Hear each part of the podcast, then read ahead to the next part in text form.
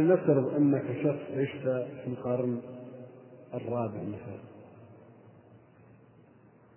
واستطعت أن تصل إلى حديث رواه البخاري عن شيخه محمد بن أو رواه مسلم عن شيخه أبي بكر بن أبي شيبة فصار بينك وبين ابن أبي شيبة أو محمد بن بشار راوي واحد فتكون كأنك إيش؟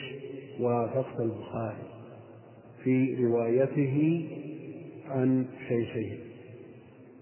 نعم. والبدل انتهاء إلى شيخ شيخه. اطلع فوق. يعني وصل إسنادك إلى غندة. شيخ محمد بن بشار محمد بن جعفر. هذا بدل. والمساواة تساوي في إسنادك الحديث للمصنف. البخاري يروي حديث ويل للعرب بشر قد افترض من طريق تسعة والحافظ العراقي بعده بخمسة قرون ونصف يروي بعض الأحاديث من خلال من بواسطة تسعة نقول هذه مساواة للبخاري. مساواة للبخاري وهي فيها علو شديد بالنسبة لمن؟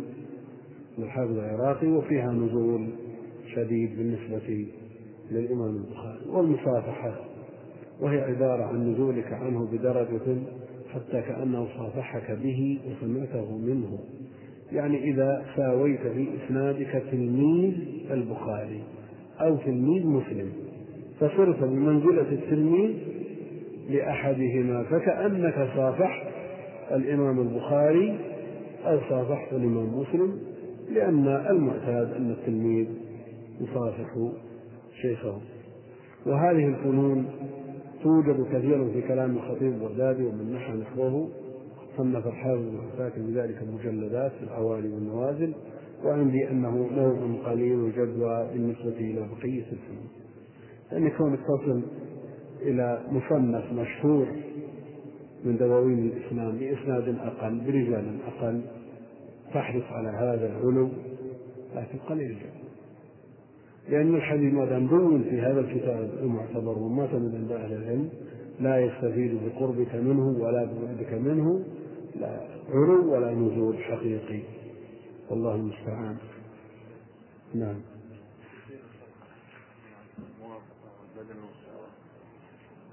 وش يصير؟ أنت الموافقة تنتهي إلى شيخ مسلم. توافق مسلم في الرواية عن أبي بكر بن أبي شيخ نعم. البدل تنتهي إلى شيخ شيخه كأنك أبدلت الشيخ بغيره. نعم. المساواة تساوي في إسناده بغض النظر عن إسناده في العدد في العدد. والمصافحة تكون مساويا أو تصل إلى تلميذ الشيخ ومن عادة التلميذ أن يصافح الشيخ.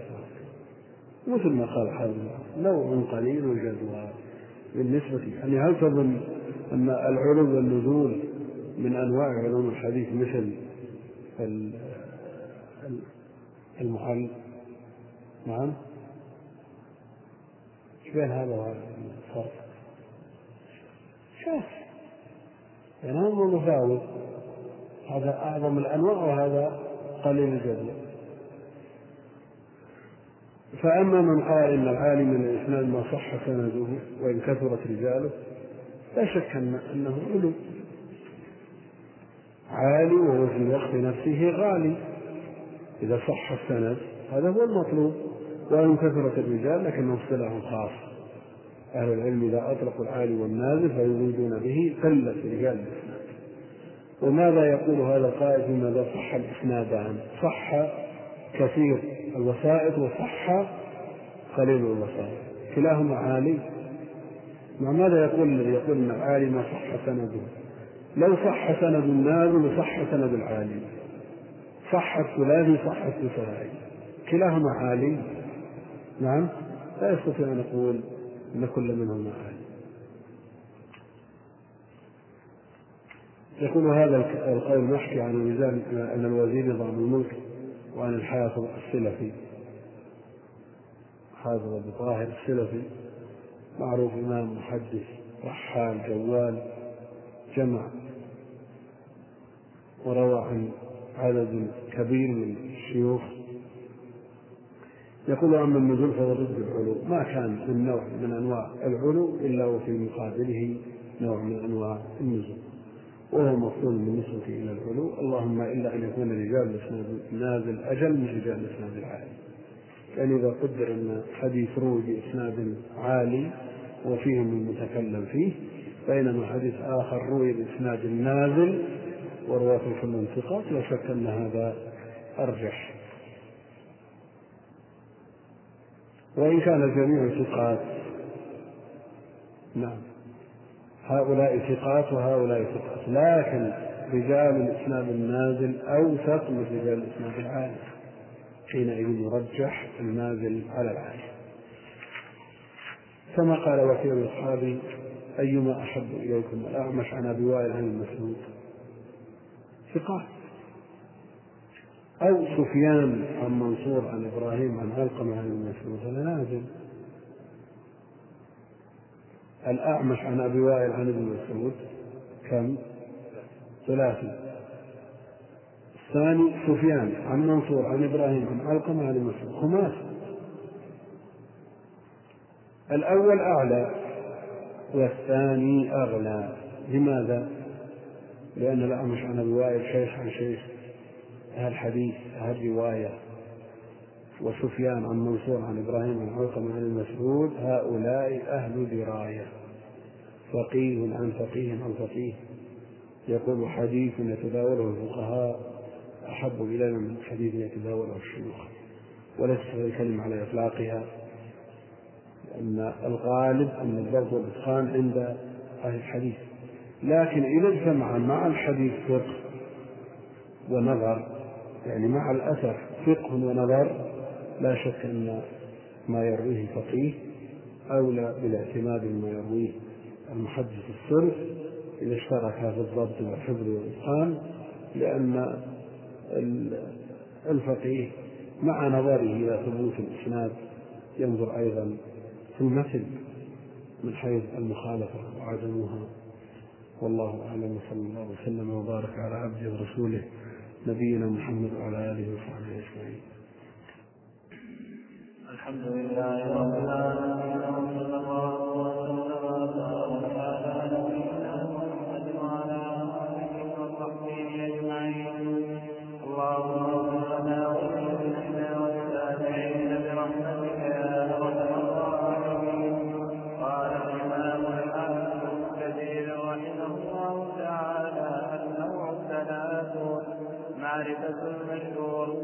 المشهور الشهرة أمر نسبي فقد يشتهر عند أهل الحديث أو يتواتر ما ليس عند غيرهم بالكلية ثم قد يكون المشهور متواترا أو مستفيضا وهو ما زاد نقلته على ثلاثة وعن القاضي الماوردي أن المستفيض أقوى من المتواتر وهذا اصطلاح منه.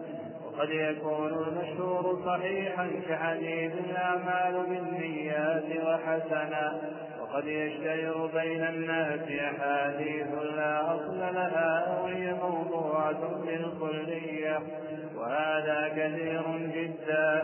ومن نظر في كتاب الموضوعات لأبي الفرج بن الجوزي عرف ذلك. وقد روي عن الإمام أحمد رحمه الله تعالى الناس بالأشواك لا أصل لها من بشرني بخروج هذا بشرته. من بشرني بخروج هذا وبشرته بالجنة. ومن هذا ذميا كان خصمه يوم القيامة. ونحركم يوم صومكم وللسائر حق وإن جاء على فرس. الحمد لله رب العالمين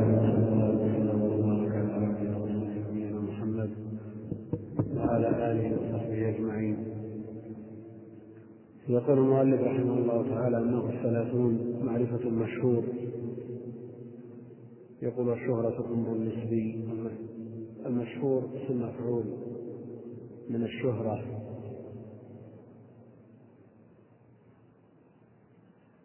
فقد يشتهي الشهرة أمر نسبي فقد يشتهر مشهور المعروف الواضح ومنه سمي الشهر لوضوحه واشتهاره بين الناس. والشهرة أمر نسبي يعني أن هذا الأمر قد يكون مشتهرا مشهورا لقوم خفيا غامضا عند آخرين وهذا واضح. بغض النظر عن كونه مشهور بالحديث أو غيره في عموم الأشياء الشهرة أمر نسبي يشتهر عند العلم ما لا يشتهر عند العامة يشتهر عند العامة ما لا يشتهر عند الخاصة يشتهر عند التجار ما لا يشتهر عند الفقراء يشتهر عند الفقراء ما لا يشتهر في كل شيء. فقد يشتهر عند أهل الحديث أو يتواتر ما ليس عند غيرهم بكلية حديث يتداوله الناس ويستفيض عندهم من أهل العلم لا سيما عند أهل الحديث وقد يكون من أهل العلم ممن له عناية بالعلوم الأخرى قد يكون ليس معروفا عندهم ولم يترك سمعه البتة وإن كان متفقا العلم واشتهر عند أهل الحديث وتواتر عندهم الأحاديث والخصائص تداولها المحدثون أي لا تعرف عند قوم آخرين وإن من كان من يجتنب العلم ويبنى به. فقد يشتهر عند أهل الحديث ويتواتر ما ليس عند غيرهم بكلية يعني ممن يعنى بالعلوم الأخرى فضلا عن من لا عناية له بالعلم البتة فإن مثل هؤلاء قد تخفى عليهم الأحاديث المتواترة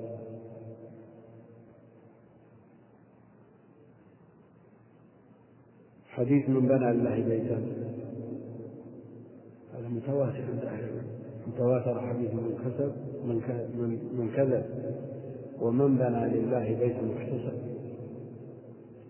تواتر عند أهل العلم تواتر معنوي حديث الحوض الشفاعة. قد تخفى على بعض الناس من المسلمين وهي متواتر. والمتواتر حكمه إفادة العلم القطعي على خلاف بينهم هل يفيد العلم النظري أو الضروري هل يحتاج إلى نظر واستدلال أو لا يحتاج إلى نظر؟ المقصود أنه كما قال الحافظ رحمه الله تعالى هذه أمور نسبية فقد يشتهر عند أهل الحديث وتواتر ما ليس عند غيرهم بالكل. قد يستفيض حديث يتداوله الأدباء ولا يعرف حتى عند أهل الحديث. حديث يشتهر عند الفقهاء لا يعرفه أهل الحديث. حديث يشتهر عند النحاة لا يعرفه أهل الحديث وهكذا. الحديث لا يعرفه. ثم قد يكون المشهور متواترا أو مستفيضا.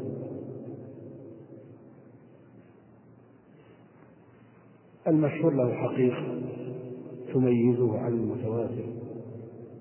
وإن كان المشهور والمستفيض عند أكثر العلماء بمعنى واحد. لكن المتواتر له حقيقة وحد يميزه عن غيره. قد يكون المشهور مستفيضا إذا قد يكون المشهور مستفيضا صحيح والمستفيض مشهورا صحيح. لكن قد يكون المشهور متواترا يمكن الغلط إلا إذا قصد به الشهرة على الألسنة يعني الشهرة غير الاصطلاحية يقول وما زاد على نقلته على ثلاثة. يريد بذلك الشهرة الاصطلاحية. لكن إن زادت هذه هؤلاء النقلة زادوا على ثلاثة وبلغوا حد التواتر خرج عن كونه مشهور اصطلاحا. إلى كونه متواترا وإن كان مشهورا على الألسنة شهرة غير اصطلاحية فالمتواتر يرويه عدد يستحيل في العادة أن يتواطؤوا على الكذب عن مثلهم وأن يسندوه إلى شيء محسوس إلى أمر محسوس لا معقول. لا بد أن يكون مستند بالحس والمتواتر والمشهور والمستفيد والعزيز والغريب هذه ألفاظ اصطلاحية تداولها أهل العلم. وبينوا حقيقتها. لكن إن بحثت عنها في القرون الثلاثة المفضلة قد لا تجدها. وهكذا في جميع العلوم. جدت اصطلاحات بعد القرون المفضلة ولا غير في ذلك لأن المقصود منها التيسير على طلاب العلم المقصود منها التحديد والتيسير وضبط العلوم ولا يعني هذا أنه يتزين بهذه الألفاظ لكنها أمور اصطلاحية اصطلحوا على تقسيم الأخبار إلى متواتر وآحاد اصطلحوا على تقسيم المتواتر أيضا إلى ضروري ونظري في إفادته وله على تقسيم الآحاد إلى مشهور وعزيز وغريب ولا إشكال في ذلك شاء الله. فقد جد في كثير من العلوم أو جميع العلوم الشرعية اصطلاحات لا توجد عند الصحابة ولا عند بل ولا عند التابعين. فنقول ان هذه من البدع التي ينبغي تركها أو يجب تركها. المقصود منها التيسير والتسهيل والتقسيم هل يعرف أبو بكر وعمر أن المئة تنقسم إلى ثلاثة أقسام؟ نعم. طهور طاهر نهي. نعم. هل نقول أن هذا من البدع؟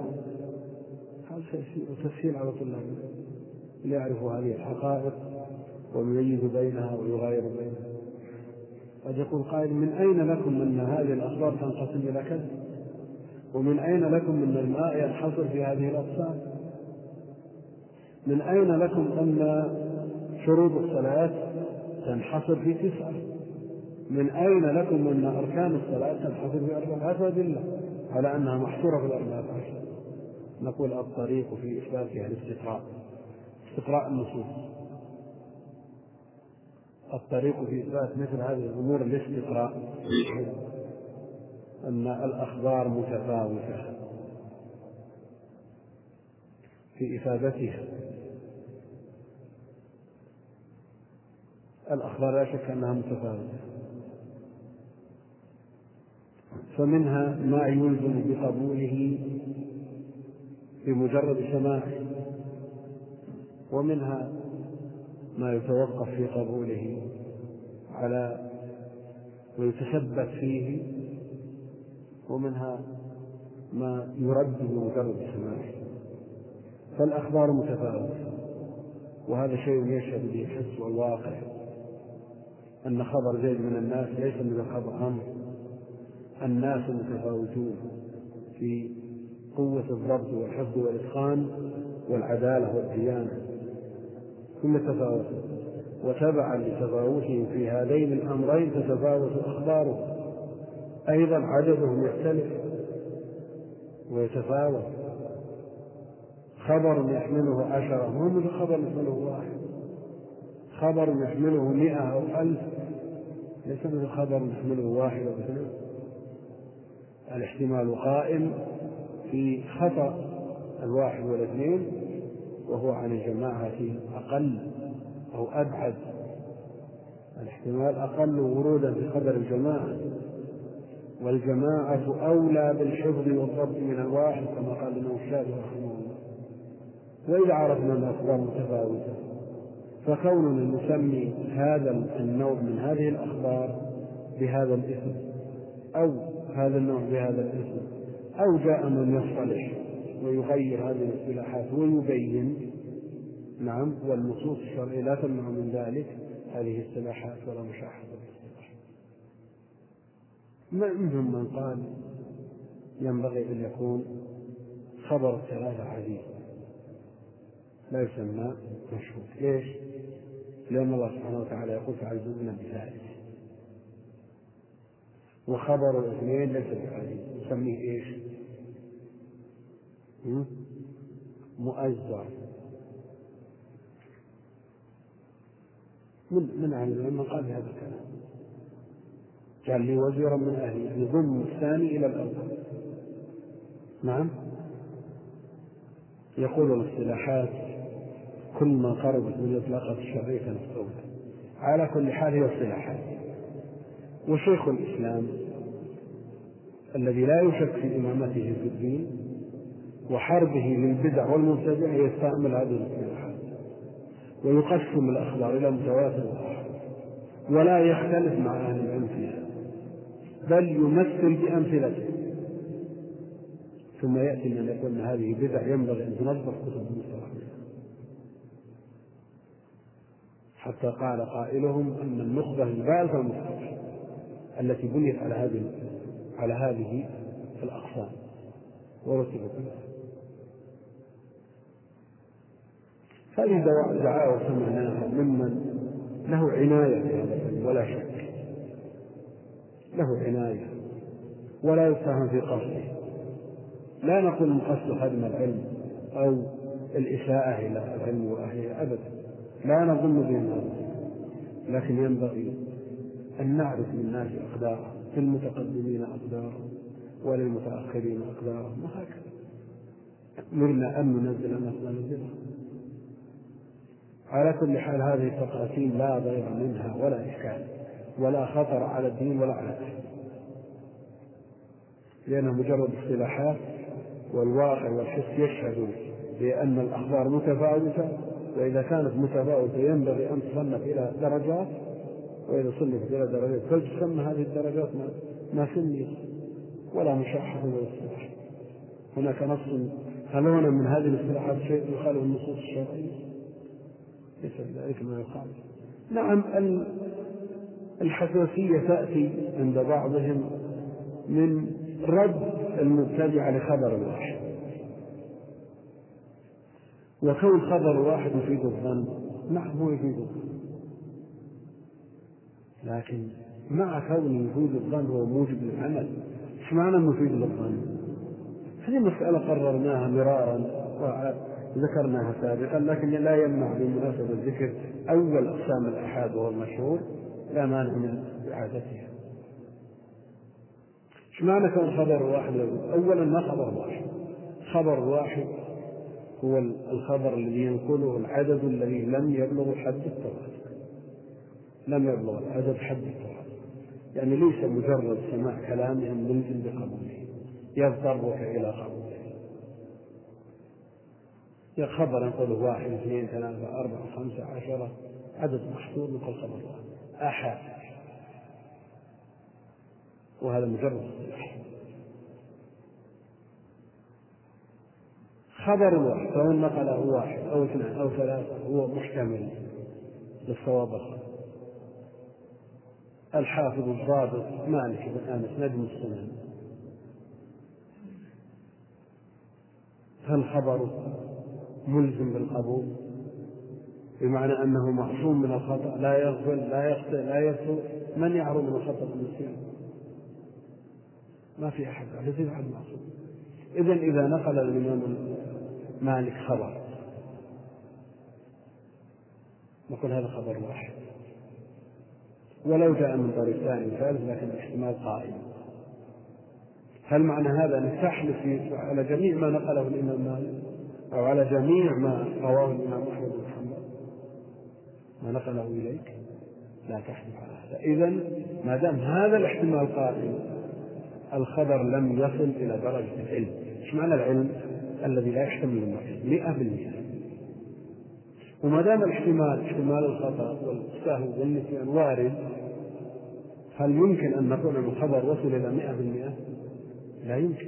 لا بد أن ينزل بنسبة ما يتصل به هذا الناقل من الحفظ والضبط والإتقان. قد تصل النسبة في خبر بعض النقلة إلى قريب من الكمال إلى 99 98% بس إلا أننا لا ندعي الأصل وحينئذ ما دام وجد الاحتمال فالخبر في الظن. إيش معنى الظن؟ الظن هو الاحتمال الراجح. الظن هو الاحتمال الراجح. والراجح من نسبة 51 إلى 99 متفاوتة. والمرجوح من من 49 إلى واحد. لأن نسبة الصدر والكذب صحيح. والخمسين هو الشك يعني حد سواء ما نقول ان خبر مالك لا يصل إلى نسبة مئة بالمئة خل دعونا نوصل خبر مالك رحمه الله تعالى نجم السنن إلى خمسة وتسعين بالمئة؟ نقول خبر واحد ويفيد لأن الظن هو الاحتمال. لكن لا نلتزم بلوازم المبتدئة خبر واحد لا يوجد الظن والظن لا يوجد الحق شيئا. نعم؟ يقول شاء الظن ويواجهه اليقين. يراد بالاعتقاد الجازم الذين يظنون أنهم ملاقوا ربهم لا شك أن الظنون متفاوتة. الظنون متفاوتة. ولا نلتزم بلوازم المبتدع. لأن المبتدع يقولون ما دام الاحتمال قائم إذا الظن لا قيمه لا يغني الحق شيء فعلى هذا يردون خبر نقول لا نقول مع إفادته الظن هو موجب للعمل. هو موجب للأدلة الكثيرة. الصحيحة الصريحة قد يكون الخبر في القرآن. الخبر في القرآن. في احتمال نقيض؟ ما في احتمال. إذا هو قطعي قطعي الثبوت. قطعي الثبوت فالخبر المتواتر بمثابة قطعي الثبوت لا يحتمل النقيض معنى النسبة مئة بالمئة. هل كل ما كان قطعي الثبوت قطعي الدلالة؟ نعم. لا. يعني نسبة دلالة فصلي لربك وانحر. صل على العيد. نسبته هل نقول أن الآية قطعية في الدلالة؟ فنوجد صلاة العيد كالحنفية. الآية وإن كانت قطعية الثبوت ظنية الدلالة. ولا نقول في مثل هذا أن الظن لا يغني من الحق شيئا. نعم. ولا يلزم عليه أن نقول لا يغني الظن لا يغني من الحق شيئا ونطرح بذلك على كل حال التقسيم لا ضير فيه ولا خطر منه ولا نلتزم بالعوازم هذا نوع من العلم ألزمنا بالعمل به نعمل به ولا نعتقد عصمة أحد. العلم أو الخبر الواحد الذي يفيد الظن في أصله قد يفيد العلم. متى؟ إذا احتفت به قرينة كل الخبر مالك نسبته 95% لأنه اللي يغلب على ظنينا إصابة الإمام مالك. طيب. وجد قرينة تدعم هذا الخبر. ارتفعت. هذه النسبة الباقية الخمسة بالمئة ارتفعت بالقرينة. وعلى هذا ارتفع خبر مالك بالقرينة إلى مئة بالمئة فأفاد العلم. وهذا هو القول المعتمد في خبر الواحد أنه إذا احتفت به قرينة أفاد وهو قول شيخ الإسلام ابن تيمية وابن القيم وابن حجر وجمع غير من أهل.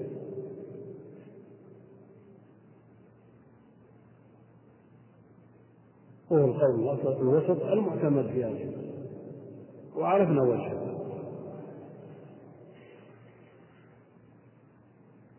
وعن القاضي الموردي أن المستفيض أفضل من المتواتر منهم من يجعل المستفيض في مرتبة متوسطة بين المتواتر والمشهور وعلى كل حال اصطلاح لكن الأكثر على أن المستفيض والمشهور بمعنى واحد. قد يكون المشهور صحيحا كحديث بالنيات هل حديث الأعمال بالنيات مشهور على الاصطلاح؟ لأنه قال قبل قد يكون مشهور مستفيض أو متواتر أو ما زاد نقلته على ثلاثة يعني قرب من الاصطلاح. الحافظ ابن كثير قرب في هذا من الاصطلاح. ونعرف أن ابن الصلاح من يقول بقوله يرى أن المشهور ما زادت نقل أفعال والعزيز مروي اثنين أو ثلاثة لكن مروي ثلاثة عزيز ولكن المعتمد عند ابن حجر وغيره أن مروي الثلاثة مشهور والخلاف أقول أمره يسير خط سهل المقصود هنا يقول الحافظ وقد يكون المشهور صحيحا كحديث الأعمال بالنيات حديث الأعمال بالنيات مشهور هو صحيح بلا شك لكن هل هو مشهور؟ اصطلاحا ليس بمشهور بل هو إيش؟ غريب بل فرض مطلق كما سيأتي التمثيل الغريب ليس بمشهور. اصطلاحا وإن كان مشهورا عند أهل العلم. مستفيضا عند متداول بينهم. مشهور في آخر الطبقة الخامسة من طبقات الإسلام. نعم. بل لو قيل بتواتره في الطبقة الخامسة فما بعد. لكن العدد الأقل يقضي على الأكثر كما قرر ذلك الميراث العدد الأقل ولو في طبقة من طبقات الإسلام تفرد بميراث خبر غير وهكذا. قد يكون حسنا نعم قد يكون المشهور حسنا وقد يكون صحيحا وقد يكون ضعيفا أيضا. يروى من طرق وهو ضعيف. يروى من طرق لكن كلها ضعيفة. ويبقى ضعيف لا يدور بعضها بعضا وهما مشهور وقد يشتهر بين الناس أحاديث لا أصل لها. أو هي موضوعة تداولها الناس. وهناك كتب ألفت في الأحاديث المشتهرة على الألف. وغالبها مما لا أصل له. الحديث صارت على ألسنة وهذا كثير جدا. المقاصد الحسن والسخاوي. كشف الخفاء ومزيل الألباس العجلوني والدرر المنتثرة وغيرها. ألفت الأحاديث المشتهرة لا المقصود بالشهرة هنا الشهرة غير الاصطلاحية بل المقصود بذلك الشهرة على ذلك. يقول من نظر في كتاب الموضوعات يعني صار الذي جوز عرف ذلك. يقرأ في هذا الكتاب ويجد أحاديث يتداولها الناس. يتداولها الناس وهي موجودة في الموضوعات التي لا أصل لها. وقد روي عن الإمام أحمد أنه قال أربعة أحاديث تدور بين الناس في الأسواق لا أصل لها من بشر أن يخرج آذار بشرته بالجنة. هذا كان معروف شهر ومن آذى ذميا فأنا خصمه يوم القيامة. لكن بهذا اللفظ أنا خصمه يوم القيامة. أما من آذى ذميا فقد آذاني. نعم فهو معروف وليس بهذه المثابة من الضعف نحركم يوم صومكم نعم. بهذا اللفظ لا أصل له لكن جاء من طرق يوم صومكم يوم نحركم وللسائل حق وإن جاء على الفرض الحديث مخرج في المسند. مخرج عند الإمام في المسند. إيش معنى لا أصل له؟ الإمام أحمد يقول أربعة أحاديث تدور على سنة الناس في الأسواق لا أصل لها. إذا قالوا هذا حديث لا أصل له يعني لا إسناد له والحديث الذي لا إسناد له شكر حكمه؟ نعم. الذي لا أصل له خلاص الموضوعات لكن حديث السائل حق من جاء على فرسه فيه مقال. لا يخلو من مقال أهل العلم لكنه لا يصل إلى درجة الوضع. نعم. النوع الحادي والثلاثون معرفة الغريب والعزيز أما الغرابة فقد تكون في المتن. أما الغرابة فقد تكون في المتن بأن يتفرد بروايته راو واحد واحد أو في بعضه كما إذا زاد فيه واحد زيادة لم يقلها غيره. وقد تقدم الكلام في الزيادة الثقة وقد تكون الغرابة بالإسناد كما إذا كان أصل الحديث محفوظا من وجه آخر أو وجوه. ولكنه بهذا الإسناد غريب فالغريب ما تفرد به واحد وقد يكون ثقة وقد يكون ضعيفا ولكل حكمه فإذا اشترك اثنان أو ثلاثة في روايته عن الشيخ سمي عزيزا فإن رواه عنه جماعة سمي مشهورا كما تقدم والله أعلم. يقول رحمه الله معرفة الغريب والعزيز هما مسمى قسمة الآحاد القسمة الثلاثية. فالآحاد نقسم إلى ثلاثة أقسام المشهور والغريب والعزيز والغريب. الغرابة قد تكون في المتن يعني بجملته إذا نتفرد بروايته راو واحد. ومثاله بل من أوضح أمثلته الحديث إنما الأعمال بالنيات. تفرد برواية عن النبي عليه الصلاة والسلام عمر بن الخطاب.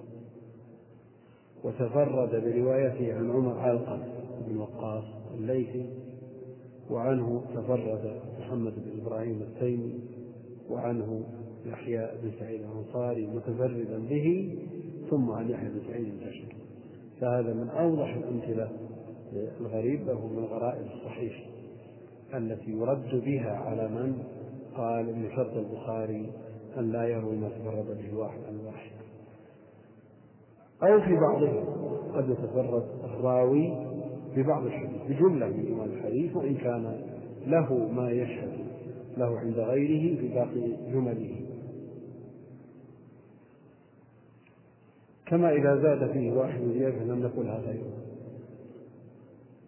وهذه الزيادة تقدم حكم زيادة الثقة وأحيانا تدل القرائن على أن هذه الزيادة محفوظة فيحكم بصحتها وأحيانا يحكم بشذوذها.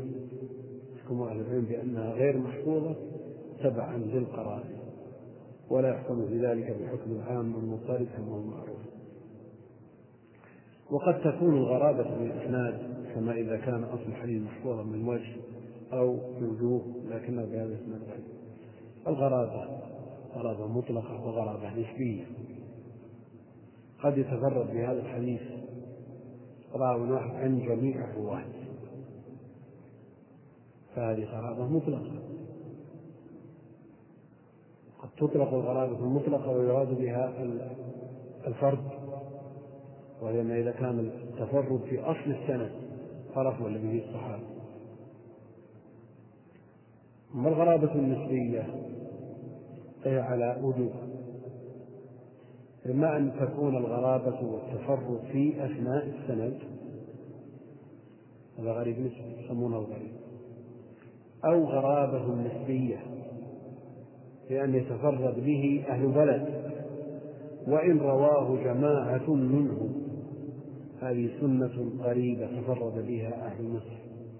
وإن رواها جمع من أهل مصر لكن كلهم لا هذه سنة غريبة تفرد بها أهل أهل البصرة مثلا. قال أهل العلم هذا الكلام وإن اشترك في رواية جماعة من أهل البصرة أو تكون الغرابة نسبية بالنسبة للشيخ يعني يتفرد بروايته عن فلان عن شعبة مثلا محمد بن جعفر. وإن رواه عن غيره عن غير شعبة جماعة. لكنه تفرد به عن هذا الراوي عن شعبة هذا الراوي فهذه غرابة مسلمة وكثيرا ما يقول الترمذي هذا حديث حسن صحيح غريب لا نعرفه إلا من هذا الوجه. قد تكون الغرابة والتفرد من هذا الوجه من هذا في هذا اللفظ. وعلى هذا يحمل الغرابة في إطلاق الترمذي لأن يكون له طرق لكن بهذا اللفظ تفرد به هذا الراوي المقصود أن إطلاقات أهل العلم في الغرابة آه، كثيرة ولها محامل عندهم أشرنا إلى بعضها. يقول فالغريب ما تفرد به واحد وقد يكون ثقة. يعني في الأحاديث الغريبة ما هو صحيح؟ إذا كان راوي ثقة حديث الأعمال بالنيات حديث كلمتان خفيفتان على اللسان إلى آخره صحيح وغير ذلك من الغرائب قد يكون راوي ثقة وعلى هذا يكون الحديث صحيحا. وقد يكون ضعيفا يكون راوي ضعيفا وحينئذ يكون ما تفرد به ضعيف. وقد يكون حسنا وقد يكون حسنا ولكل حكمه. فرواية الثقة مقبولة ورواية الضعيف مردودة ورواية الحسن مقبولة إلا أنها دون رواية. الثقة. فإن اشترك اثنان أو ثلاثة في رواية عن شيخ سمي عزيز هذا جاري على اصطلاح ابن الصلاح الذي يرى أن المشهور ما رواه فوق الثلاث والعزيز ما رواه اثنان أو ثلاث اثنان أو ثلاث والغريب ما تفرد بروايته واحد فقط ولو في بعض طبقات السند. على كل حال هذا اصطلاح وجرى عليه أهل العلم. ولا غير فيه إن شاء الله. فإن رواه جماعة سمي مشهورا كما تقدم إن زاد العبد على ثلاثة أو ثلاثة وأكثر على قول الآخر سمي الخبر مشهورا. نعم. النوع الثاني والثلاثون معرفة غريب ألفاظ الحديث وهو من المهمات المتعلقة بفهم الحديث والعلم والعمل به لا بمعرفة صناعة الإسناد وما يتعلق به. قال الحاكم أول من صنف في ذلك النضر بن شميل وقال غيره أبو عبيدة معمر بن المثنى وأحسن شيء وضع في ذلك كتاب أبو عبيدة. وأحسن شيء وضع في ذلك كتاب أبي عبيد القاسم بن سلام. وقد استدرك عليه ابن قتيبة أشياء وتعقبهما الخطابي فأورد زيادات وقد صنف ابن الأنباري المتقدم وسليم الغازي وغير واحد في ذلك كتبا. وأجل كتاب يوجد فيه مجامع ذلك كتاب الصحاح للجوهري وكتاب النهاية لابن كثير رحمهما الله تعالى. النوع الثاني والثلاثون معرفة غريب ألفاظ الحديث الذي تقدم غريب الحديث ويبحث بالأسانيد. وهنا غريب الألفاظ الغريب من ألفاظ الحديث. وهذا يبحث بالمتن وهو من أهم المهمات لمن أراد الدراية وفهم الأخبار والاستنباط منها. وهو فن على أهميته وشدة الحاجة إليه إلا أنه ينبغي لطالب العلم أن يحتاط لدينه وأن يتحرى في ذلك ويتوقع أشد التوقي ولا يتكلم في معاني الأحاديث إلا بعلم لأنه يزعم بكلامه من غير علم أن هذا هو مراد النبي عليه الصلاة والسلام المبلغ عن الله. وعرف عن السلف شدة الاحتياط في هذا الباب. والإمام أحمد رحمه الله تعالى على ما عرف به من الورع وشدة الاحتياط يقول في هذا الباب أنه ينبغي أو لا يجوز لطالب الحديث أن يقول فيه برأيه.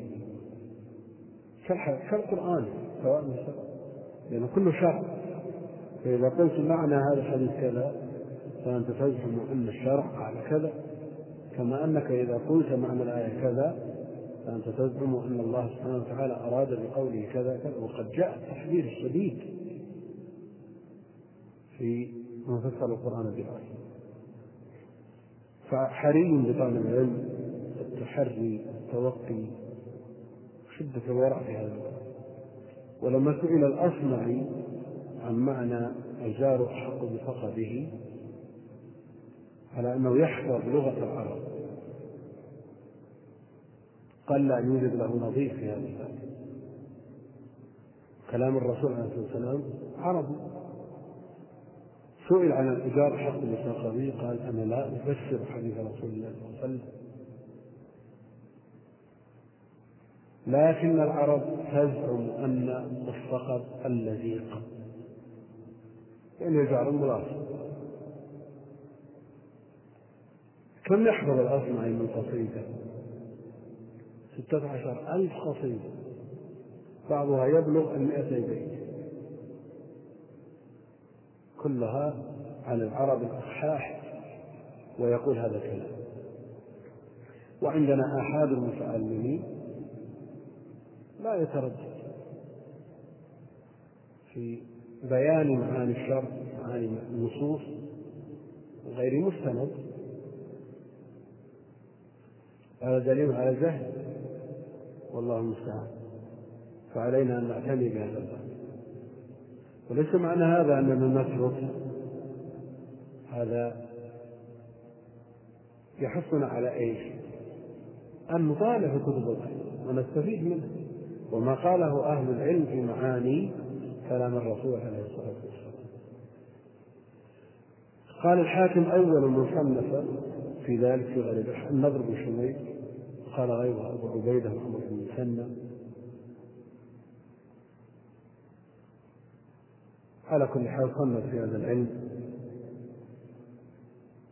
جمع يضمهم أصل واحد فلا يدرى أيهم السابق. يقول وأحسن شيء وضع في ذلك كتاب أبي عبيد القاسم بن وهو إمام ومحله في معرفة النصوص ومعرفة الآثار وأقوال الصحابة ومن بعدهم ومنزلته في الدين وإمامته معروفة لدى خاصة عنه فينبغي أن يكون بكتابه. وقد استدرك عليه ابن قتيبة أشياء. واستدرك على ابن قتيبة أشياء. على كل حال هذه الكتب تنبغي العناية بها وليس مؤلفوها من أهل العصمة. لكي يقال كيف يستدرك على فلان كيف يستدرك على علان لا كل قابل بأن يؤخذ من قوله ويرد إلا النبي عليه الصلاة والسلام. فأورد زيادات وقد صنف ابن الأنباري المتقدم وسليم الرازي وغير ذلك ذلك الكتب. ألفت كتب كثيرة في غريب الحديث. وطبع منها مجموعة يستفاد أيضا في غريب الحديث غير كتب الحديث. من كتب اللغة يستفاد لكن ينبغي أن نعتني ونهتم بكتب المتقدمين الذين لم يتأثروا بالمذاهب الكلامية ولا الفرعية. لأن من تأثر بالمذاهب أثر ذلك في اختياره المعنى المناسب للمقام. لأن كل كلمة يأتي لها معاني عن العرب. لكن ما المعنى المناسب لهذا السياق المعنى المناسب للسياق لا شك أنه لا يستطيع تحديده من تخصص باللغة فقط. كما أنه لا يستطيع تحديده من تخصص بالحديث فقط ولا يعرف من لغة العرب شيئا. فلا بد لمن يتصدى لهذا الشأن أن يكون ممن جمع بين الأمرين معا لا بد أن يكون على قدر كبير من معرفة لغة العرب وأن يكون عارف بالحديث وطرقه ورواياته لكي يختار اللفظ المناسب في السياق المناسب أو للسياق المناسب.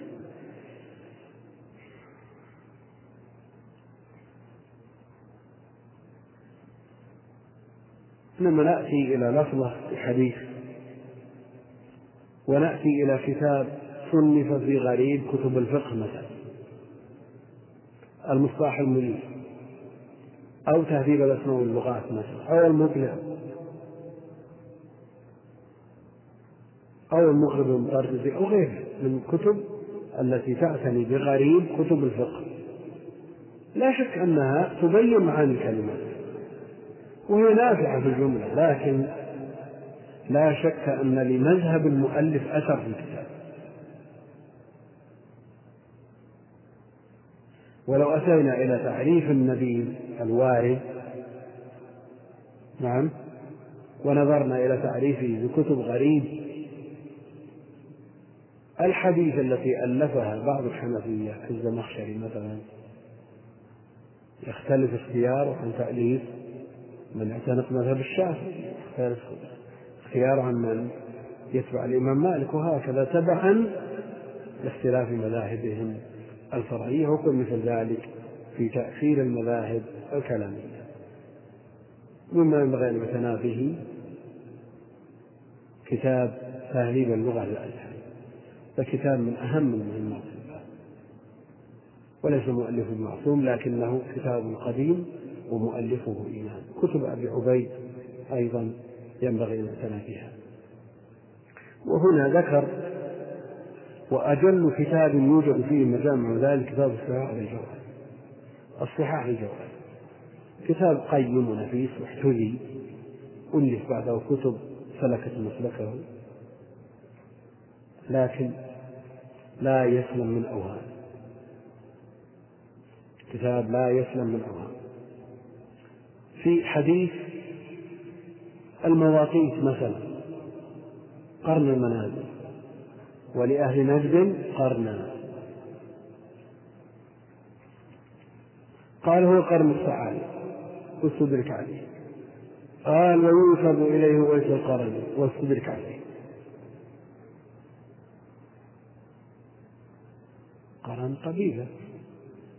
منسوب أويس إلى هذا المكان. نعم. هو قرني وليس بقرني. المقصود أن هذه الكتب يستفاد منها. نعم. وأيضا يستفاد من تعقبات هذه الكتب. وما من كتاب إلا وفيه خير كثير لكن لا يسلم. إلا كتاب الله. المقصود أن هذه الكتب مفيدة ومهمة ونافعة. ما ينبغي أن يعتنى به أيضا كتاب المحكم لابن سيدة والمخصص له. والكتب الكبيرة مثل لسان العرب أيضا يستفاد منه وإن كان من المتأخرين إلا أنه جمع وأطول كتاب في اللغة كتاب إيش؟ تاج العروس تاج العروس تقول أهل العلم فيه 120 ألف مادة 120 ألف مادة اللسان على ساعته فيه إيش؟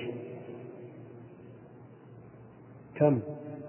ثمانين ثمانين ألف والقاموس في ستين ألف على اختصار.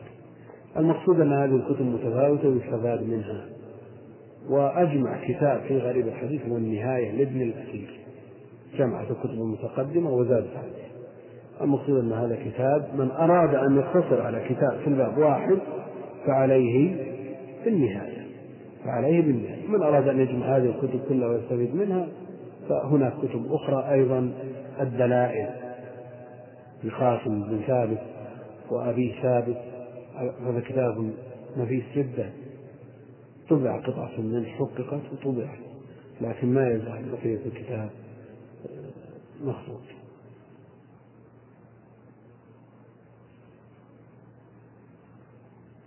نعم. النوع الثالث والثلاثون معرفة معرفة المسلسل. وقد يكون في صفة الرواية كما إذا قال كل منهم سمعت أو حدثنا أو أخبرنا ونحو ذلك. أو في صفة الراوي بأن يقول حالة الرواية قولا قد قاله شيخه له أو يفعل فعلا فعله شيخ فعل شيخه مثله. ثم يتسلسل الحديث من أوله إلى آخره. وقد ينقطع بعضه من أوله أو آخره. وفائدة التسلسل بعده من التدليس والانقطاع. ومع هذا قل ما يصح حديث بطريق مسلسل والله أعلم. النوع الثالث سيكون معرفة المسلسل. والتسلسل الاتفاق على صفة أو هيئة في الرواة أو في صيغ الأداء أو في أسماء الرواة أو ما أشبه ذلك. يقول قد يكون في صفة الرواية كما إذا قال كل منهم سمعت. إذا كانت صيغة الأداء في الإسناد كلها سمعت. قال سمعت قال سمعت هذا مسلسل بالسماع. وقد يكون مسلسلا بالتحديث. إذا كان الإسناد كله حدثنا قال حدثنا أو بالإخبار كما إذا قال أخبرنا قال أخبرنا إلى آخره أو بالعنعنة. نعم كل هذا يسمى مسلسل. أو في قول يقوله الراوي حال الرواية. مسلسل بالأقوال. حدثني فلان وهو أول حديث سمعته منه. قال حدثني فلان وهو أول حديث سمعته منه. قال حدثني فلان وهو السلسل لكن هذا التسلسل حديث المسلسل بالأولية حديث الراحمون يرحمهم الرحمن. لا شك أنه من أفضل المسلسلات لكن تسلسله لم يستمر يعني ما وجد من أوله ينقطع عن سفيان بن عيينة. التسلسل بقول الراوي إني أحبك كما قال النبي عليه الصلاة والسلام لمن؟ ها؟ لمعاذ إني أحبك فلا تدع أن تقول في دبر كل صلاة. اللهم إني على ذكرك وشكرك إلى آخره. تسلسل هذا قال معاذ لمن روى عنه إني أحبك فلا تدع قال الذي روى عنه إني أحبك فلا تدع أن تقول إلى آخره. قد يكون تسلسل الأفعال. حرك النبي عليه الصلاة والسلام شفتيه. حرك ابن عباس شفتيه. حرك الراوي عنه إلى آخره. كما كان ابن الرسول يحركه كما كان ابن عباس يحركهما. إلى آخره. بعد أن حدث تبسم مسلسل بالتبسم قبض لحيته مسلسل إلى آخره هناك أحاديث مسلسلة وفيها الكتب لكن غالبها ضعيف. غالبها ضعيف. ثم قد يتسلسل من أوله إلى آخره وقد ينقطع بعضه من أوله وآخره وهذا معروف. وفائدة التسلسل بعده إلى التدليس والانقطاع. لا شك أن هذا التسلسل يدل على أن هناك ارتباط وثيق بين الراوي روى عنه فيقوي مسألة الانقطاع ويضعف احتمال يقوي مسألة الاتصال ويضعف احتمال الانقطاع. يقول ومع هذا قلما في عديد من طريق مسلسل يعني من أوله إلى آخره. والله المستعان. نعم. النوع الرابع والثلاثون. معرفة ناسخ الحديث ومنسوخه وهذا الفن ليس من خصائص هذا الكتاب بل هو بأصول الفقه أشبه. وقد صنف الناس في هذا كتبا كثيرة مفيدة من أجلها وأنفعها. كتاب الحافظ الفقيه أبي بكر الحازمي رحمه الله تعالى. وقد كانت للشافعي رحمه الله تعالى في ذلك اليد الطولى كما وصفه به الإمام أحمد بن حنبل رحمه الله تعالى.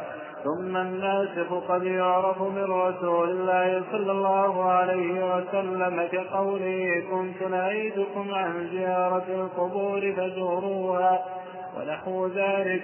قد يعرف ذلك بالتاريخ وعلم السيرة وهو من أكبر العون على ذلك كما سلكه الشافعي رحمه الله تعالى في حديث أفطر الحاجم والمحجوم وذلك في زمن الفتح في شأن جعفر بن أبي طالب رحمه الله وقد قتل بمؤتة قبل الفتح بأشهر وقول ابن عباس رضي الله تعالى عنه ما احتجم النبي صلى الله عليه وسلم وهو صائم محرم وإنما أسلم ابن عباس مع أبيه بالفتح فأما قول الصحابي هذا ناسخ لهذا فلم يقبله كثير من الأصوليين لأنه يرجع إلى نوع من الاجتهاد وقد يخطئ فيه. وقبلوا قوله هذا هذا كان قبل هذا لأنه ناقل وهو ثقة مقبول الرواية. النوع الرابع والثلاثون معرفة ناسخ الحديث ومنسوخ وهذا أيضا من الفنون المهمة المشتركة بين هذا العلم وعلم أصول الفقه. فلا يستغني محدث عنه ولا فقيه ولا طالب علم شرعي. قد مر علي بن أبي طالب رضي الله عنه على قاص وقال له أتعرف الناس من المنسوخ قال لا. قال هلكت وأهلكت.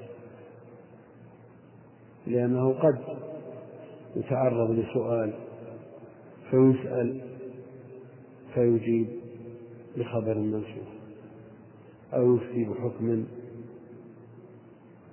كان أولا قبل النسخ ثم نسخ فعلى طالب العلم أن يعتني بالأخبار الناسخ والمنسوخ منها سواء كان من الآيات أو من الأحاديث. لأن المعمول به هو الآخر. والمتقدم منسوخ رفع حكمه فالنسخ في اللغة الرفع والإزالة وفي الاصطلاح رفع حكم شرعي ثابت بنص بنص آخر متراخ عنه. فالنسخ من خصائص النصوص. فغير النص لا ينسخ ولا ينسخ من أهم الكتب في ناسخ القرآن ومنسوخ كتاب الناسخ والمنسوخ لمن؟ ها؟ لأبي عبيد وغيره نعم من النحاس وهو أشمل وأطول في ناسخ والمنسوخ من السنة كتاب الاعتبار الحازمي كتاب النفيس جامع كتاب الناسخ والمنسوخ للجعبري غير ذلك من الكتب المهمة المفيدة النافعة في هذا الباب أيضا شراح كتب السنة يعتنون بهذا الباب عناية فائقة ويبينونه. والإمام الشافعي رحمه الله تعالى وفي ذلك اليد الطولة في معرفة المتقدم والمتأخر كما وصفه بذلك الإمام أحمد بن حنبل. ثم الناس قد يعرف من رسول الله صلى الله عليه وسلم قد يعرف من النص. كنت نهيتكم عن زيارة القبور في الزورة يعني كنت نهيتكم في المستقبل في الماضي. فزوروها. كان آخر الأمرين قول الصحابي كان آخر الأمرين من رسول الله صلى الله عليه وسلم ترك الوضوء مما مست النار. هذا نحتج به أو لا نحتج؟ أو نقول هذا اجتهاد. إذا قال الصحابي هذا ناسخ لهذا. تردد العلماء في قبول مثل هذا الكلام من اجتهاد منه. لكن إذا نقل خبرا أو أخبر عن عن خبر من الأخبار أنه متأخر عن خبر آخر. قوله كان آخر الأمرين ترك الوضوء من ممسة النار. هذا إخبار عن تأخر هذا الخبر عن غيره الذي فيه الوضوء من كل شيء. وقد يعرف ذلك في التاريخ وعلم السيرة عندنا حديث عبد الحاكم والمحجوب وحديث سلم النبي عليه الصلاة والسلام وهو صائم محرم. الحديث الأول يروي شداد بن أوس وهذا يروي ابن عباس. قرر الإمام الشافعي أن ذاك في الفتح وهذا في حجة الوداع. ولا شك أن حجة الوداع متأخرة عن غزاة الفتح. على هذا يكون على ما قرره الإمام الشافعي حديث ابن عباس ناسخ لحديث شداد بن أوس قول الصحابي هذا ناسخ لهذا؟ قال لم يقبله كثير من الاصوليين لأنه يرجع نوع من الاجتهاد وقد يخطئ في الاجتهاد. لا شك أنه ليس بمعصوم إذا كان مرده إلى رأيه واجتهاده لكن إذا نقل خبرا لزمنا قبوله لأنه ثقة مقبول الرواية والصحابة كلهم عدول نعم.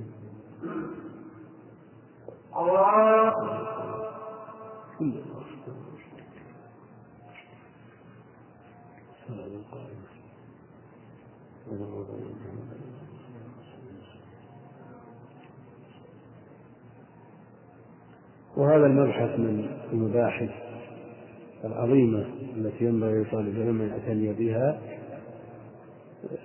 لأنه يترتب عليها الصواب والخطأ. في اعتماد النص متقدم ومتأخر.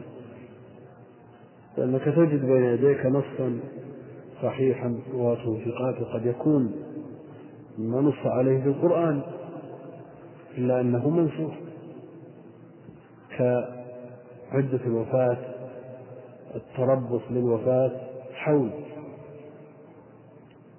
قد يقول قائل حديث متاعا إلى الحول غير إخراج. قد يقول قائل هذا في القرآن ما المانع من المعنى الذي نقول هذا منسوخ وهذا الباب والذي عمدته الرواية كما قال الزهري أعيا الفقهاء وأعجبهم أن يعرفوا ناسخ الحديث من منسوخ. لأنهم عمدتهم الرأي والاستنباط. لكنهم لا يحفظون الآثار ولا يعرفون متقدمها ومتأخرها فهذا أعياهم وأعجزهم ولذا تجد الكثير ممن ينحى منحى الفقهاء ولا يعتني بحفظ النصوص. نعم يشكل عليه كثير من الأمور فإذا سئل عن مسألة إن كانت مبنية على فهم وكان النص حاضر استطاع أن يستنبط وإلا اضطر إلى الأقيسة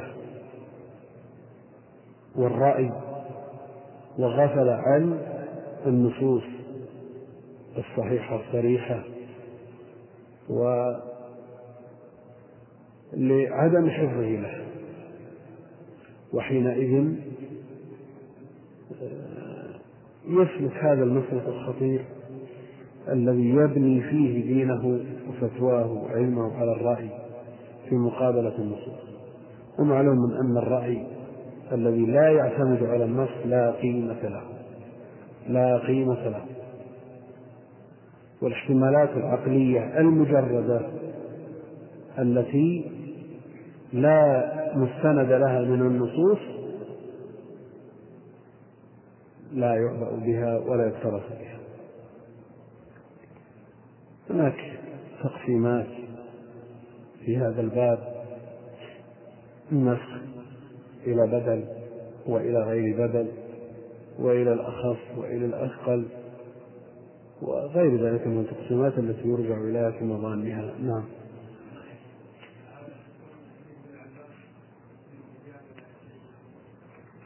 ليس من ليس من المبتلى على غير من الشيء والخلاف فيها معروف نعم. ها؟ مثلها إذا كان مما يضعف البدن ويمسكه مثل حجاب نعم. النوع الخامس والثلاثون معرفة ضبط ألفاظ الحديث متنا وإسنادا. والاحتراز من التصحيف فيها. وقد وقع من ذلك شيء كثير لجماعة من الحفاظ وغيرهم ممن ترسى بصناعة الحديث وليس منهم. وقد صنف العسكري في ذلك مجلدا كبيرا. وأكثر ما يقع ذلك لمن أخذ من الصحف ولم يكن له شيخ حافظ يوقفه على ذلك. وما ينقله كثير من الناس عن عثمان بن أبي شيبة أنه كان يصحف بقراءة القرآن فغريب جدا. لأن له كتابا في التفسير وقد نقل عنه أشياء لا تصدر عن صبيان المكاتب. وأما ما وقع لبعض المحدثين من ذلك فمنه ما يكاد اللبيب يضحك منه كما حكي عن بعضهم أنه جمع طرق حديثه يا أبا عمير ما يا أبا عمير ما فعل النوير ثم أملاه في مجلسه على من حضره من الناس فجعل يقول يا أبا عمير ما فعل البعير؟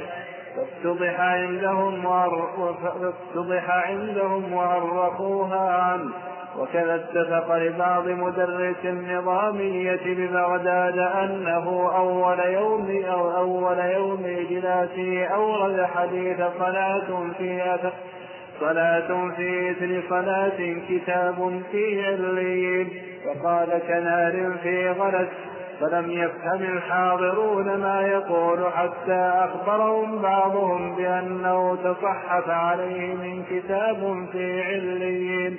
وهذا كثير جدا وقد أورد ابن الصلاح رحمه الله أشياء كثيرة ها كثيرة ها هنا. وقد كان شيخنا الحافظ الكبير الجهبذ أبو الحجاج المزي تغمده الله برحمته من بعض الناس عن هذا المقام ومن أحسن الناس أداء للإسناد والمتن بل لم يكن على وجه الأرض فيما نعلم مثله في هذا الشأن أيضا. وكان إذا تغرب عليه أحد برواية مما يذكره بعض شراح الحديث على خلاف المشهور عنده يقول هذا من التصحيف الذي لم يقف صاحبه إلا على مجرد الصحف والأخذ منها. يقول رحمه الله تعالى أنه الخامس والثلاثون معرفة ضبط ألفاظ الحديث متنا وإسنادا والاحتراز من التصحيف فيه. على طالب العلم أن يعتني بالألفاظ لا سيما في الأسانيد.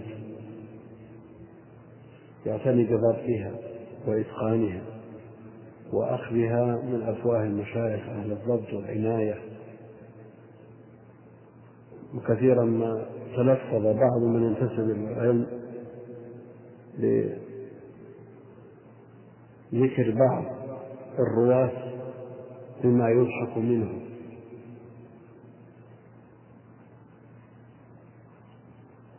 سلمة بن كهيل قال ومن بعد من الكبار من كهبل. فضلا عن أن يقول في عبيدة عبيدة هذا أمره. نعم سهل. لكن على طالب العلم أن يعتني بهذا وأن يديم النظر في الكتب التي صنفت في هذا الشأن. والشروح شروح كتب السنة التي تكرر الضبط للرواة وتكرر ضبط الألفاظ في المتون ينبغي أن يحافظ على هذه المواجه فالتصحيف لا شك أنه شيء عيب في طالب العلم وأن يقرأ الشيء وهو لا يعرف ضبطه ولا معناه. يقول وقع من ذلك شيء كبير لجماعة من الحفاظ وغيرهم. ممن ترسم بصناعة الحديث وليس منهم تسمى بالحديث وتصدى لروايته وأكثر من الرواية غير الحفاظ الرابطين المسلمين فوقع في مشكلة وقد صنف العسكري أكثر من كتاب التدشيش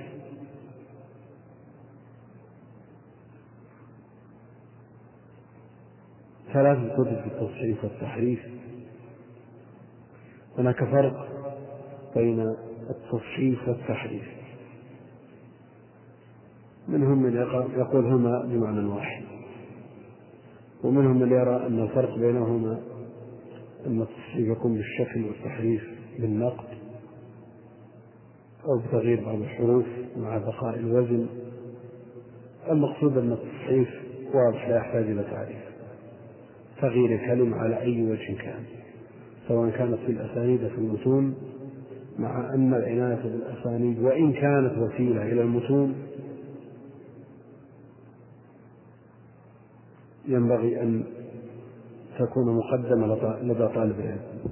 لأن العلم إذا تصحف لا يمكن أن يوقف على حقيقته لأنه لا يدرك بالرأي. ولا يستدل عليه بالسياق المتقدم ولا المتأخر. رسالة علمية مر فيها اسم شخص. نعيم بن سالم من الوضاعين تعب صاحب الرسالة إلى أن أيس وأخيرا كتب قال لا أجد له ترجمة. فيما بين يدي من المصادر وهو موجود في كل الكتب. لماذا؟ لأنه ما هو ابن عين يغنم الإنسان. اسمه يغنم لم يجده بهذه الطريقة. أن يقدم حرف زاد حرف نقص حرف لم تجده في كتب الرجال.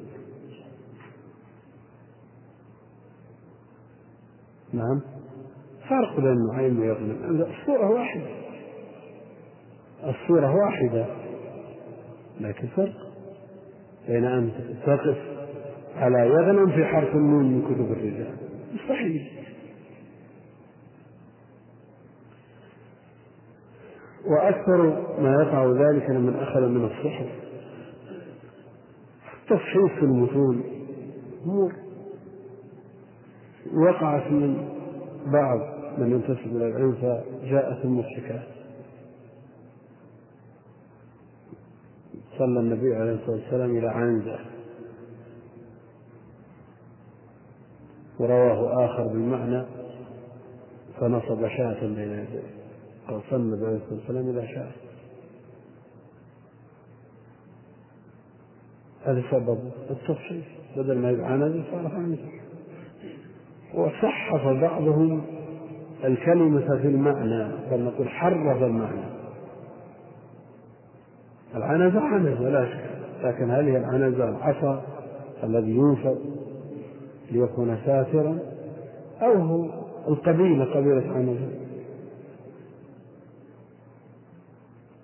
نحن قوم لم صلى إلينا رسول الله صلى الله عليه وسلم من عنزة. كل هذا مما يضحك وأكثر ما يقع ذلك لمن أخذ من الصحف وتلقى العلم من الكتب. ما أخذ عن الشيوخ لأن الشيخ إذا أخطأ الطالب يثبته ويوقفه على الصواب. وما ينقله كثير من الناس عن عثمان بن أبي شيبة. أنه كان يصحح في قراءة القرآن غريب جدا. نعم تداول الناس بعض الكلمات عن هذا الشيخ عثمان بن أبي شيبة. بعضها مضحك وبعضها نجزم بأنه لا يثبت عن مثله. فإذا مسكنا الحبل. نعم.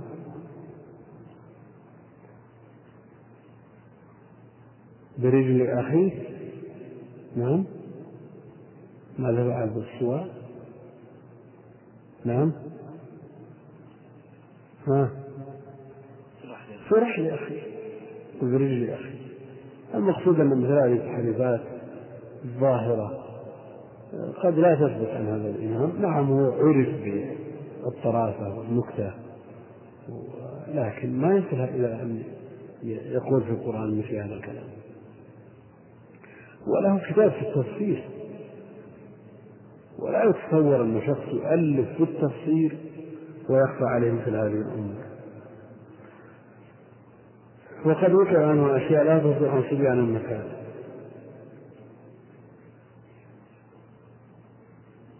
يوجد من بعض الصبيان وأشباه الصبيان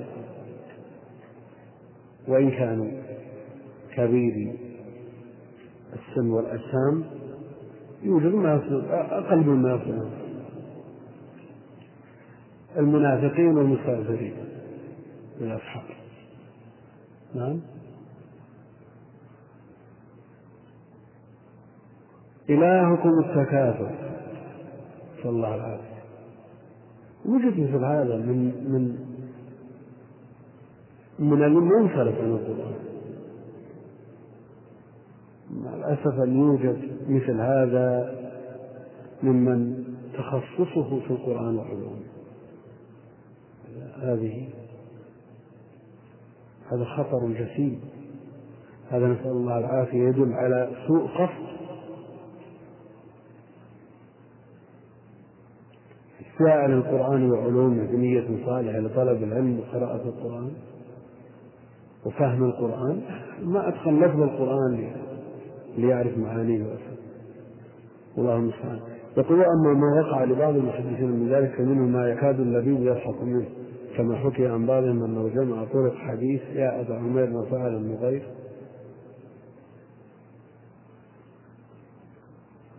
مرة طائر صغير صغير الغير أخ صغير لأنس. يداعبه النبي عليه الصلاة والسلام فيقول له يا أبا عمير ما فعل النغير هذا البعض الذي جمع طرق هذا الحديث أملاه في مجلسه على من حضره من الناس فجعل يقول يا أبا عمير ما فعل البعير. يعني في الرسم البعير والنغير متقاربة. صبح عندهم وأرخوها عنه دل على أنه ليس من أهل الحديث. وإن تصدى وكذا اتفق لبعض مدرسي النظامية بغداد أنه يوم إلافه أورد حديث صلاة في كتابه في العليين. قال كنار في غلس كتاب كنار قريب. عليين وغلس صورتها متقاربة. فلم يفهم الحاضرون ماذا يقول. كلمة إذا صحفت اليأس التام من معرفة معناها. يمكن تعرف معنى كلمة مصحفة. فيها زيادة حرف ونقص حرف تقديم وتأخير ما يمكن. أما إلا إن كان ما يشمله الاشتقاق الكبير والصغير فقد تقرب في المعنى. لكن إذا كانت لا يشاركها مشكلة. فلم يكن الحاضرون من يقول حتى أخبره بعضهم لأنه تصحب عليه كتاب في عليين وهذا كثير جدا. وقد أورد ابن الصلاح أشياء كثيرة. هنا وذكر بعض الأشياء في كتاب الحمقى والمغفلين لابن الجوزي؟ أورد بعض الأشياء ولا شك أنها طرائف لكن مع الأسف أنها في النصوص. يقول قد كان شيخنا الحافظ الكبير الجهد يقول الحافظ الكثير مع ابن الصلاح في علاقة ويمدح المزي وحق له ذلك فهو إمام حافظ كبير جهد. ومع ذلك ها؟ ابن كثير صهره نعم.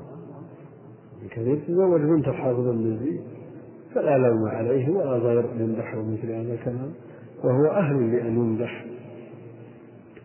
وقد كان شيخنا الحافظ الكبير الجيد أبو الحجاج المزي تغمده الله برحمة من أبعد الناس عن هذا المقام من أبعد الناس عن التصحيح والتحريف.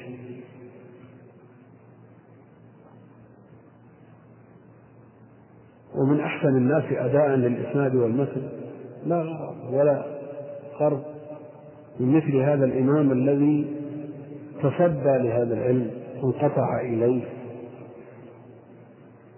تفرغ له. لكن من مثل شيخ الإسلام يوجد مثل هذا من أبعد الناس عن التصحيف والتحريف لا في المتون ولا في الأسانيد.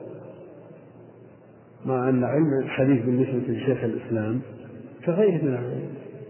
الشيخ برع في التفسير أكثر من الحديث شيخ الإسلام. في العقائد عقائد الناس ومعرفة الملل والمذاهب شيء شيء لا يخطر على بال ويشارك أهل الحديث كأنه إمام بل هو إمام في هذا. فقال قائلهم كل حديث لا يعرفه. ابن تيمية فليس بحديث وليس هذه مبالغة ليس هذا من المبالغة بل عرف هذا من مؤلفات كثيرا ما يكتب الكتاب من حفظه الكتاب الكامل في قاعدة يشحن يملأه من النصوص من الأحاديث والآثار لا تجد الخطأ إلا القليل النادر ولعله اعتمد على رواية أو نسخة لم نقف عليها فيما وقع فيه مما يظن أنه وهم فيه رحمه الله. يقول بل لم يكن على وجه الأرض فيما نعلم؟ مثله في هذا الشأن أيضا وكان إذا تغرب عليه أحد برواية شيء ما يذكر بعض الشراح يعني يأتي إليه بشيء غريب يستغربه الشيخ على خلاف المشهور عنده يقول هذا من التصريف الذي لم يقف على صاحبه إلا على مجرد الصحف والأخذ منها. يعني ما اعتنى بالرواية رواية العلم من أهله والأخذ من معدنه. فكل فن يؤخذ من أهله. كل فن يؤخذ من أهله. والله المستعان والله أعلم وصلى الله وسلم وبارك على عبده ورسوله نبينا محمد وعلى آله وصحبه أجمعين. الأسبوع القادم في درس إن شاء الله. نبي نستمر إلى أن ينتهي الكتاب. ولعله يكون بعد الأسبوع القادم كله. ثلاثة الأربعاء خميس الجمعة إلى آخره ننتهي الكتاب. إن شاء الله تعالى. سم. الحمد لله رب العالمين وصلى الله وسلم وبارك على نبينا محمد وعلى آله وصحبه أجمعين. أما بعد قال المؤلف رحمه الله تعالى ونفعنا الله بعلمه أنه السادس والثلاثون معرفة مختلف الحديث وقد صنف فيه الشافعي فصلا طويلا من كتابه نحوا من مجلد وكذلك ابن قتيبة له فيه مجلد مفيد وفيه ما هو غث وذلك بحسب ما عنده من العلم. والتعارض بين الحديثين قد يكون بحيث لا يمكن الجمع بينهما بوجه كالناسخ والمنسوخ فيصار إلى الناسخ ويترك المنسوخ.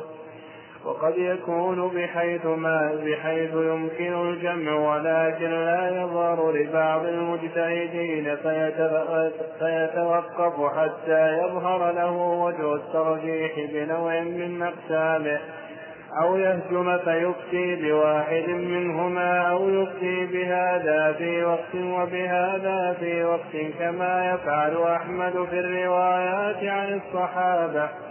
وقد كان الإمام أبو بكر بن خزيمة رحمه الله يقول ليس ثم حديثان متعارضان من كل وجه.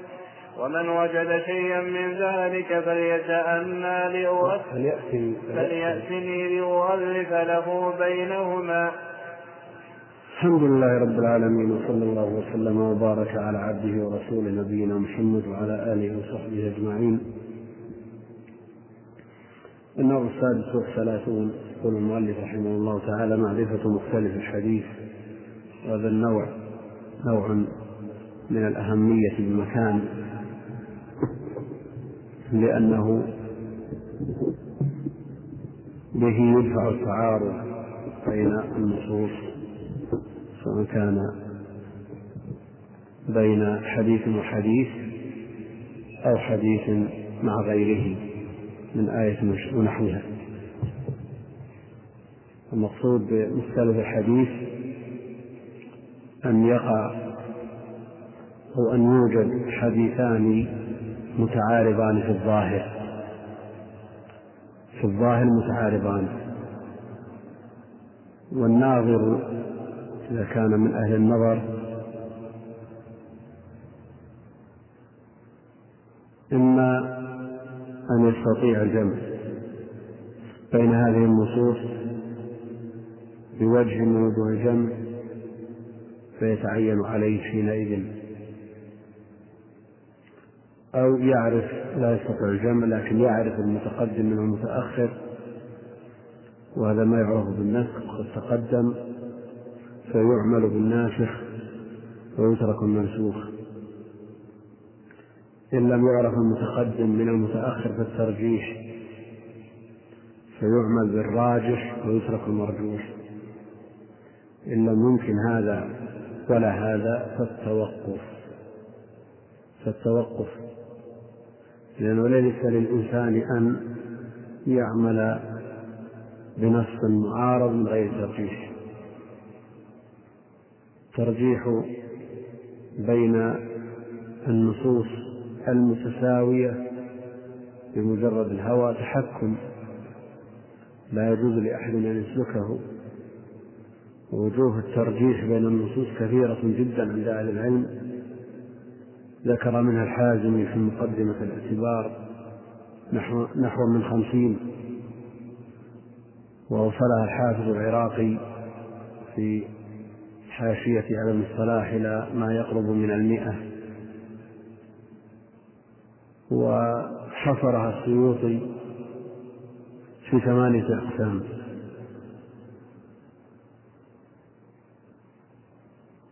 يقول المؤلف رحمه الله تعالى معرفة مختلف الحديث وقد صنف فيه الشافعي فصلا طويلا من كتابه الأم نحو من مجلد.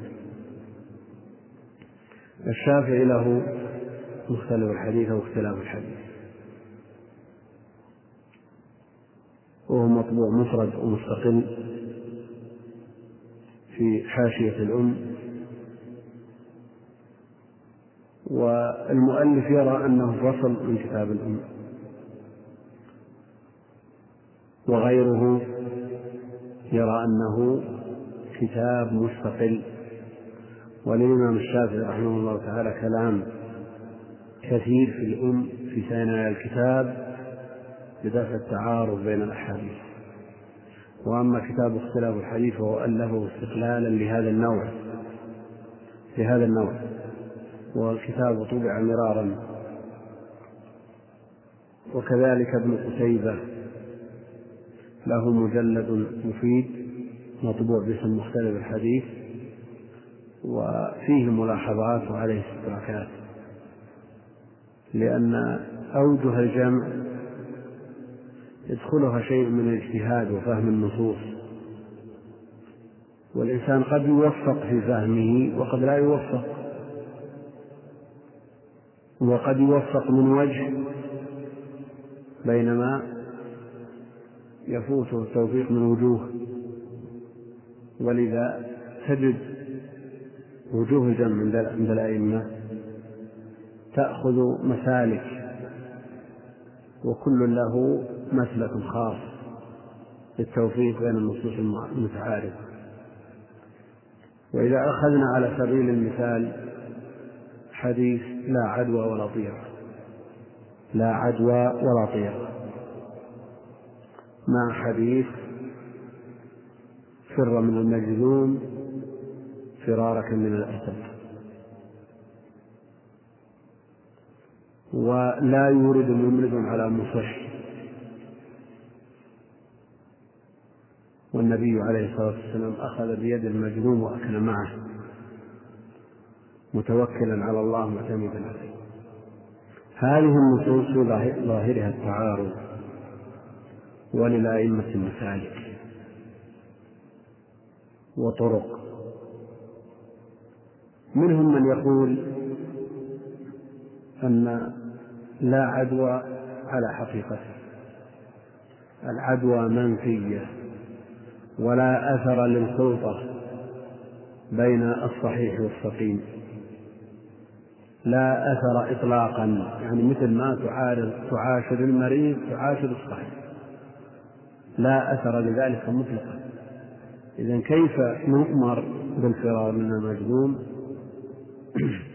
قالوا تفر من المجذوم لئلا يصيبك شيء ابتداء من الله سبحانه وتعالى فتنسب ذلك إلى المخالطة فتقع في معارضة النص ويكون هذا من باب سد الذريعة لمخالفة النص فقط. وإلا فلا عدوى أصلا. ومنهم من يثبت العدوى يفر من المجذوم لأنه يعدي. إذا كيف يقول الرسول عليه والسلام لا عدوى؟ نقول نعم يقول لا عدوى. بمعنى أن المرض لا لا يسري بنفسه. لا يسري بنفسه وليست مخالطة الصحيح للسليم. تسبب انتقال المرض بذاته وبنفسه إلى السليم. لكن هناك عدوى. المعاشرة والمخالطة سبب.